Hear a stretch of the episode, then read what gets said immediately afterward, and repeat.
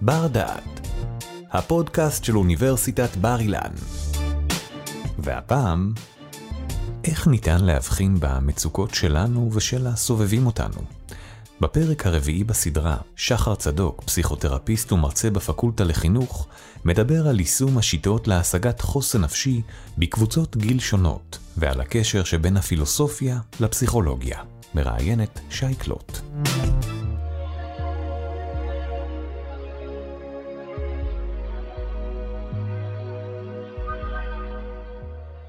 הסדרה הבאה מכילה כלים קוגניטיביים ורגשיים לפיתוח חוסן, הן ברמה האישית והן ברמה הבין-אישית. הכלים האמפיריים שבהם נעסוק יהיו מעולם הפסיכותרפיה ההתנהגותית קוגניטיבית, מה שנקרא CBT, ומעולם הפילוסופיה, המכיל בתוכו חוכמה עתיקה וחדשה, שנתרגם אותה לכלים מעשיים לחיי היומיום. שלום וברוכים הבאים לבר דעת. היום נמצא איתי שחר צדוק, מטפל פסיכותרפיה התנהגותי קוגנטיבי ומרצה באוניברסיטת בר אילן. שחר הוא דוקטורנט במחלקה לפילוסופיה יהודית. כבר עכשיו אני רוצה להפנות אתכם לפרקים הקודמים ששחר הקליט, פרקי הרצאות, בהם הוא מדבר על מה זה חוסן ולמה חשוב לפתח אותו. בפרק נוסף הוא מדבר על ויסות רגשות לפיתוח חוסן, ובפרק השלישי הוא מדבר על כלים לוויסות רגשות. היי שחר. היי. שלום. Uh, אני באמת ממליצה לכל המאזינים, אם עדיין לא יצא להם לשמוע את הפרקים האלה, אז מאוד חשוב, כי זה גם יעשה קצת סדר בשיחה שאנחנו נעשה כאן היום. הצגתי שאתה דוקטורנט במחלקה לפילוסופיה יהודית, כאן באוניברסיטת בר אילן, וגם שאתה מטפל, פסיכותרפיסט. Mm-hmm. תעשה לי את הסדר, איך התחומים הללו הולכים יד ביד. לי זה נשמע קצת הגיוני, ובכל זאת, בתור זה שעושה את זה, אני אשמח לשמוע את הפוזיציה שלך. אז אמ, קודם כל אני אתן איזושהי כותרת למה שאמרת, זה נקרא, אני קורא לזה ככה פסיכו-פילוסופיה. פסיכו-פילוסופיה. כן, לגמרי. אני לא יודע אם יש מושג כזה, אבל עכשיו הוא ככה עלה לי אה, תוך כדי השאלה שלך. ואני יכול להגיד לך שבאמת אה, אה, מאז שהתחלתי ללמוד פה באוניברסיטת בר אילן, במחלקה לפילוסופיה יהודית, גיליתי פשוט עולם מדהים. כי הפסיכולוגיה בסופו של דבר היא נגזרת של הפילוסופיה, הרי בימי הביניים אה, לא היה מדע, זאת אומרת היה מדע, אבל הכל זה בעצם היה פילוסופיה, לא היה מדע מחולק לדיציפלינות.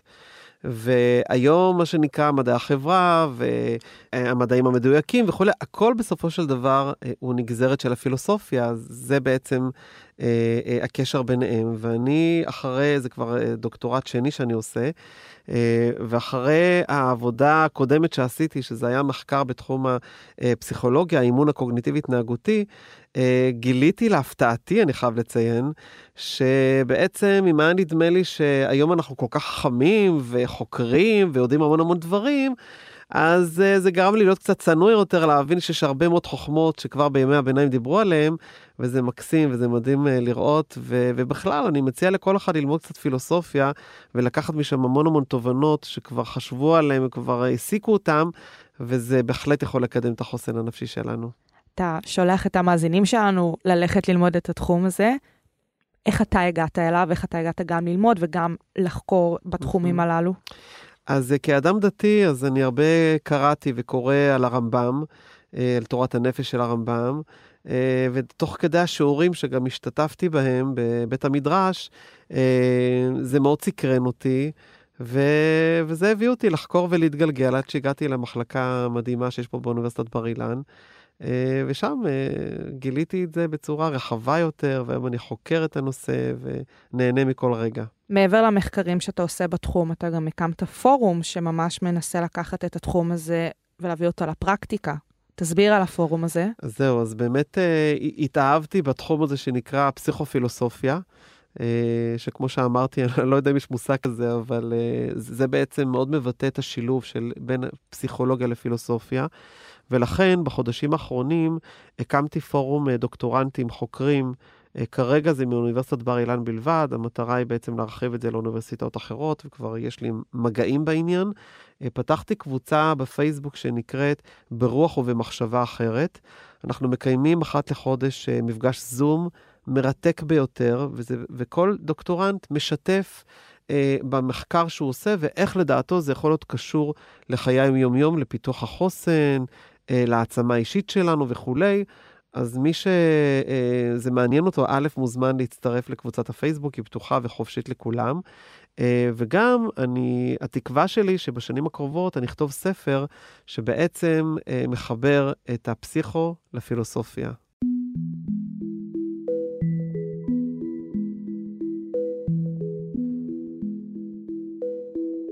כמו שאמרתי, בהחלט התייחסת לנושאים של חוסן בהרצאות uh, שקדמו למפגש בינינו, שהנושא זה נושא החוסן והתמודדות עם לחץ.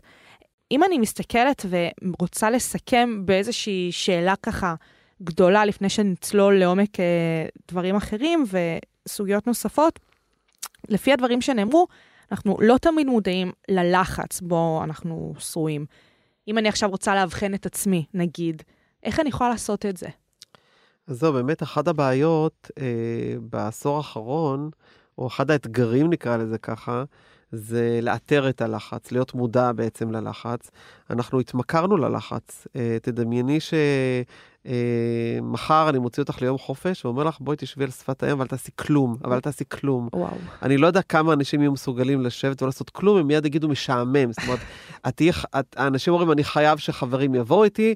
אני, זה כמו שאתמול טיילתי באיזושהי שמורת טבע וראיתי חבר'ה שמביאים אה, בוקסה לשם ועושים המון המון רעש. אנחנו חיים ברעש מאוד מאוד גדול, התמכרנו בעצם ללחץ, אנחנו לא מודעים כמה באמת הגוף שלנו בלחץ. אז אם אנחנו נעצור רגע, ונראה כמה שמשעמם לנו וכמה שקשה לנו לשבת, אז הנה זה כבר uh, סימן ראשון שאנחנו פשוט לא רגועים ולא מסוגלים לשבת בשקט.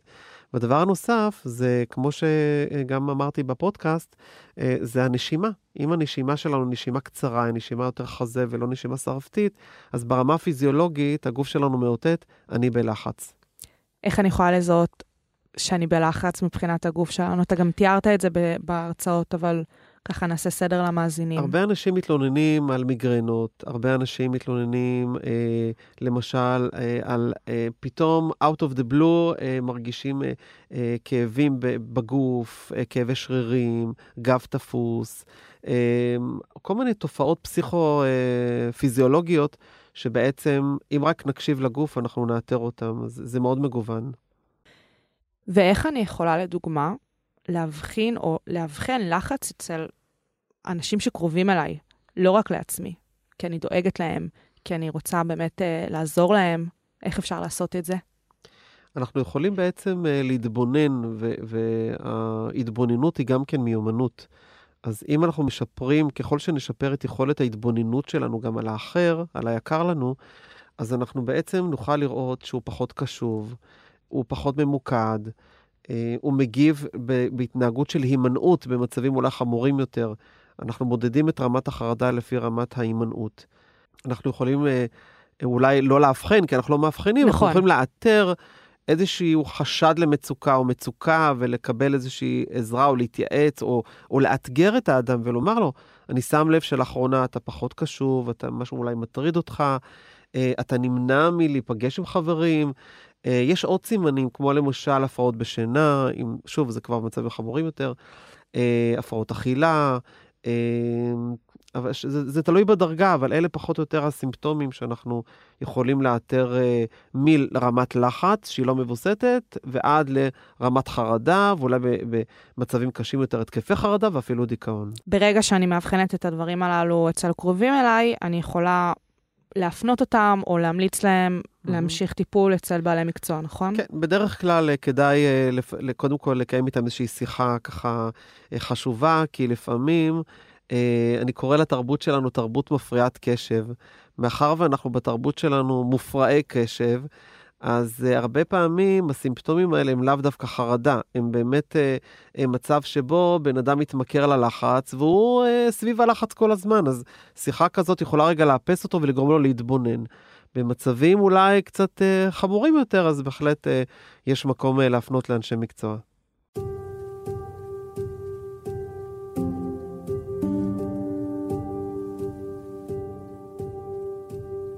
כשאנחנו מדברים על חוסן, צריך להבין שכל אוכלוסייה וההתמודדות שלה.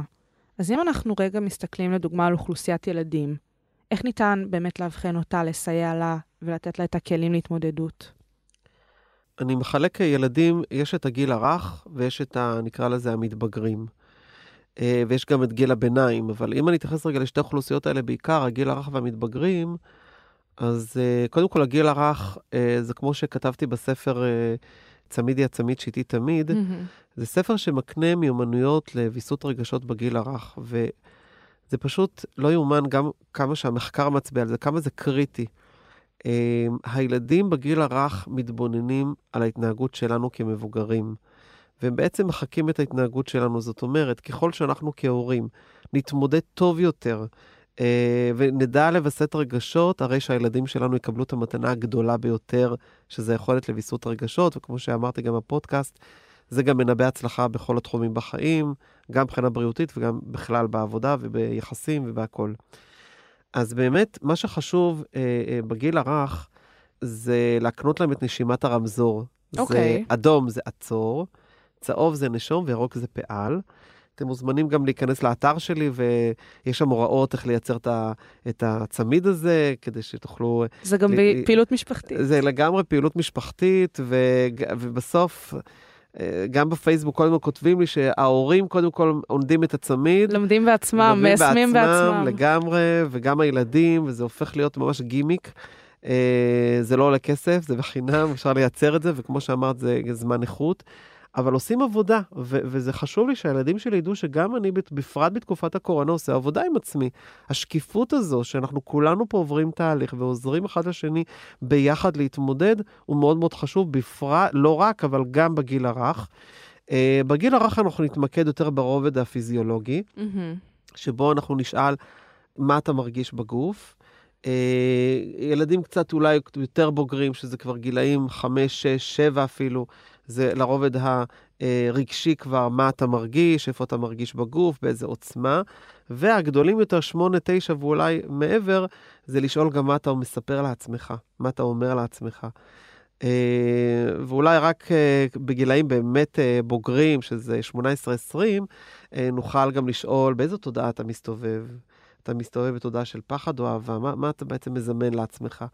זאת עבודה, זאת עבודה שכולנו אה, לומדים אותה, יש המון המון כלים שזה לא מקום לפרט, בשביל זה באים גם ללמוד, אה, אה, תבואו לאוניברסיטה ותלמדו, יש המון המון קורסים אה, שעוסקים בזה. אה, וזאת מיומנות שצריך לשפר אותה, וזאת מיומנות שהיא, כמו שדוקטור שרייבר אומר בספרו, אה, זאת מיומנות לכל החיים. זאת אומרת, אה, אני מעביר פה גם תוכנית אה, ברוקדל לכאלה שהם פורשים. אה, ובאים בגילאי ה-60, ה-70, ה-80, ואפילו יש לי גם סטודנט בגיל 90 שבא עם וואו. בת זוגו. אני כל שעה, שנה שואל אותו, נו, מתי חתונה? הוא תמיד אומר לי שההורים עוד לא מרשים. אה, אבל אה, באמת, אנשים מבוגרים אומרים לי, זאת עבודה שאנחנו עושים כל החיים, וכמו שאמרת, לכל גיל יש את האתגר שלו, ואנחנו זקוקים כל הזמן לתז... לתזכורת. ולכן גם אני הולך לשמוע את הפודקאסטים וגם את הרעיון הזה עוד פעם ועוד פעם ועוד פעם. בשביל באמת ליישם את ה... כדי להזכיר לעצמי וליישם. אה, אז באמת אתה מסביר את העניין הזה של כל גיל והיישום אה, אה, השונה, ובלי קשר צריך תמיד לעשות את זה, וכמו שאתה אומר, מגילאים מאוד מאוד צעירים. אז אם אני מסתכלת פה, באמת, אנחנו נמצאים באוניברסיטה, אז סטודנטים נמצאים באיזשהו מצב קצת אחר של לחץ, אם זה הגשות, עבודות וכמובן מבחנים. וגם לתקופות האלה יש את החוסן שלו ודרכי התמודדות uh, משלהן. מה אתה אומר בעצם על המצב הזה? יש לי הרבה מה לומר על הסטודנטים, mm-hmm. שאני א', לא מקנא בהם, למרות שגם אני סוג של סטודנט, אבל אני קצת בגיל אחר. Uh, אנחנו חיים בעידן פוסט-מודרני, בעידן שבו uh, הילדים שלנו, או הסטודנטים כבר גדלו לעידן שבו אין נורמה, אין דרך אחת. יש אין סוף של דרכים כדי להגשים את מי שאנחנו ולעשות את מה שאנחנו עושים, וגם uh, בעידן הפוסט-מודרני גם אומרים שאין אמת. אז קודם כל, הסטודנטים חיים בעידן של אי-יציבות, של אי-ודאות. הם מאוד מאוד מודאגים, ואני עובד הרבה עם אה, סטודנטים, גם בהכוון התעסוקתי, במסגרת הטיפולים שאני עושה, גם בהכוון תעסוקתי, אני גם מלמד את התחום הזה. אולי את ההיבטים הרגשיים גם של ההכוון התעסוקתי. Mm-hmm.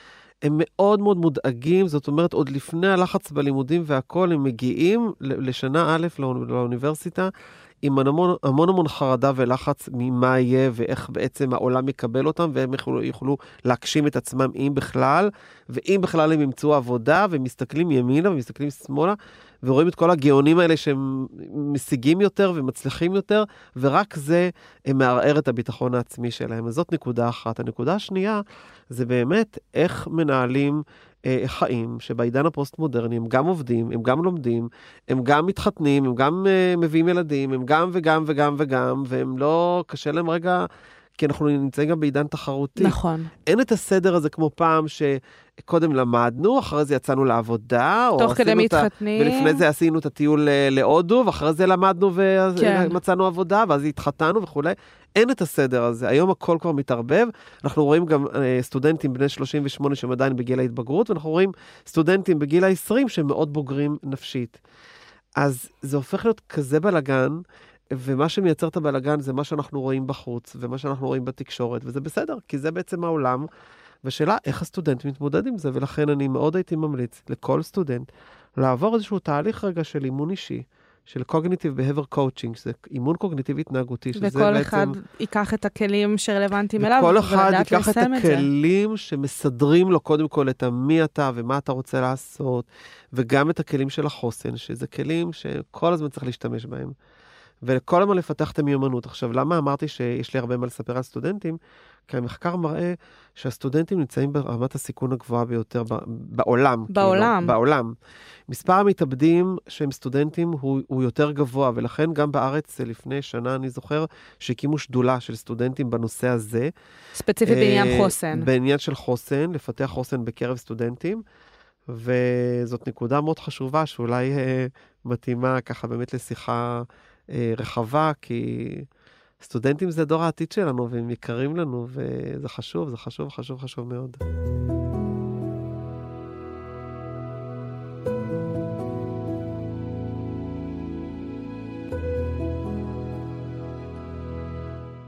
שנתיים מטורפות עוברות עלינו.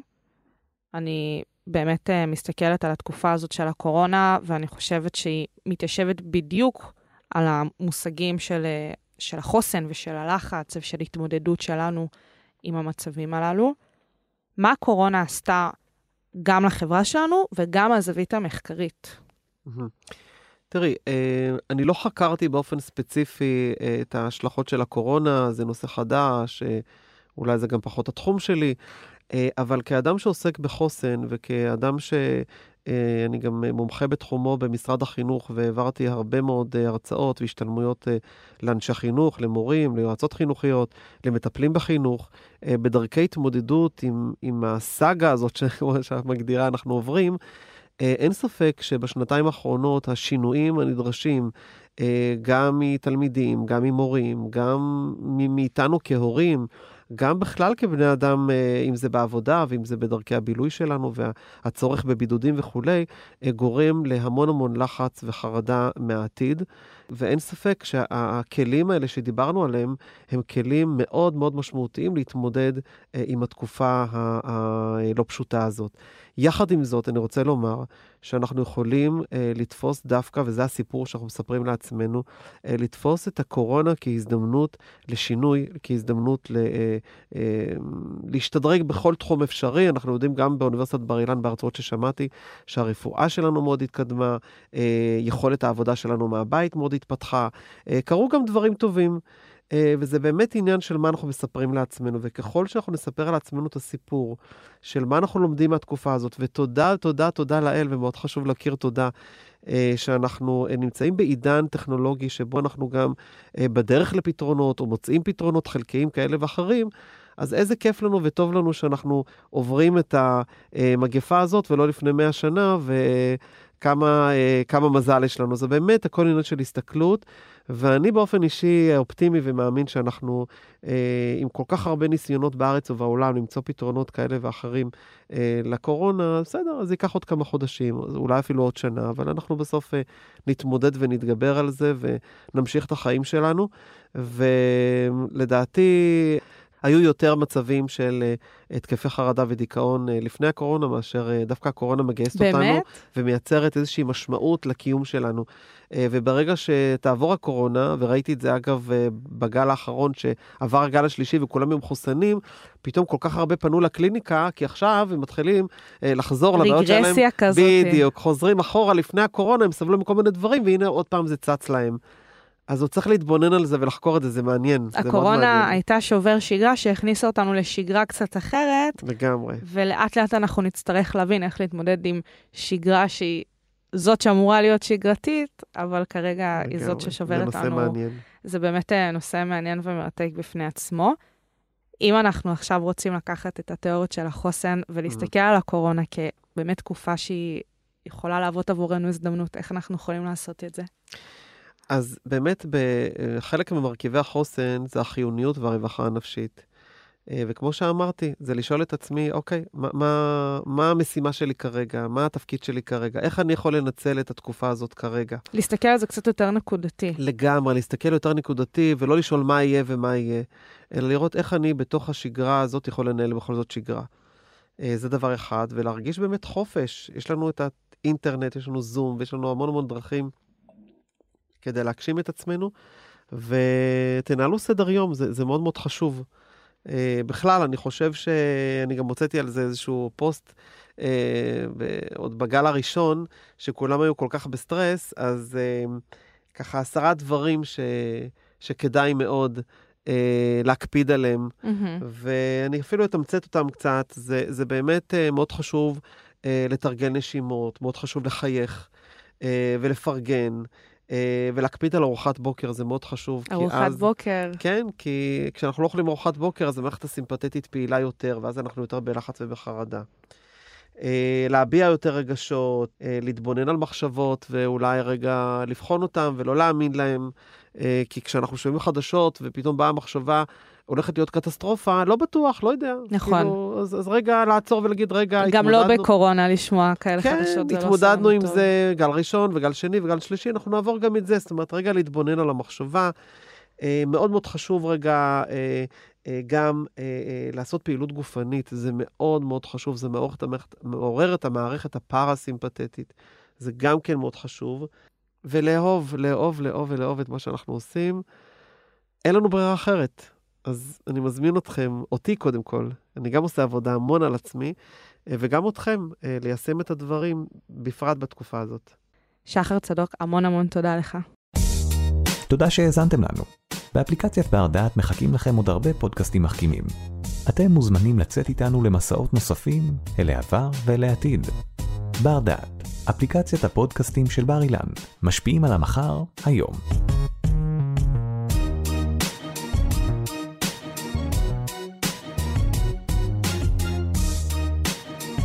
ערך והפיק אורי טולדנו. תודה על ההאזנה.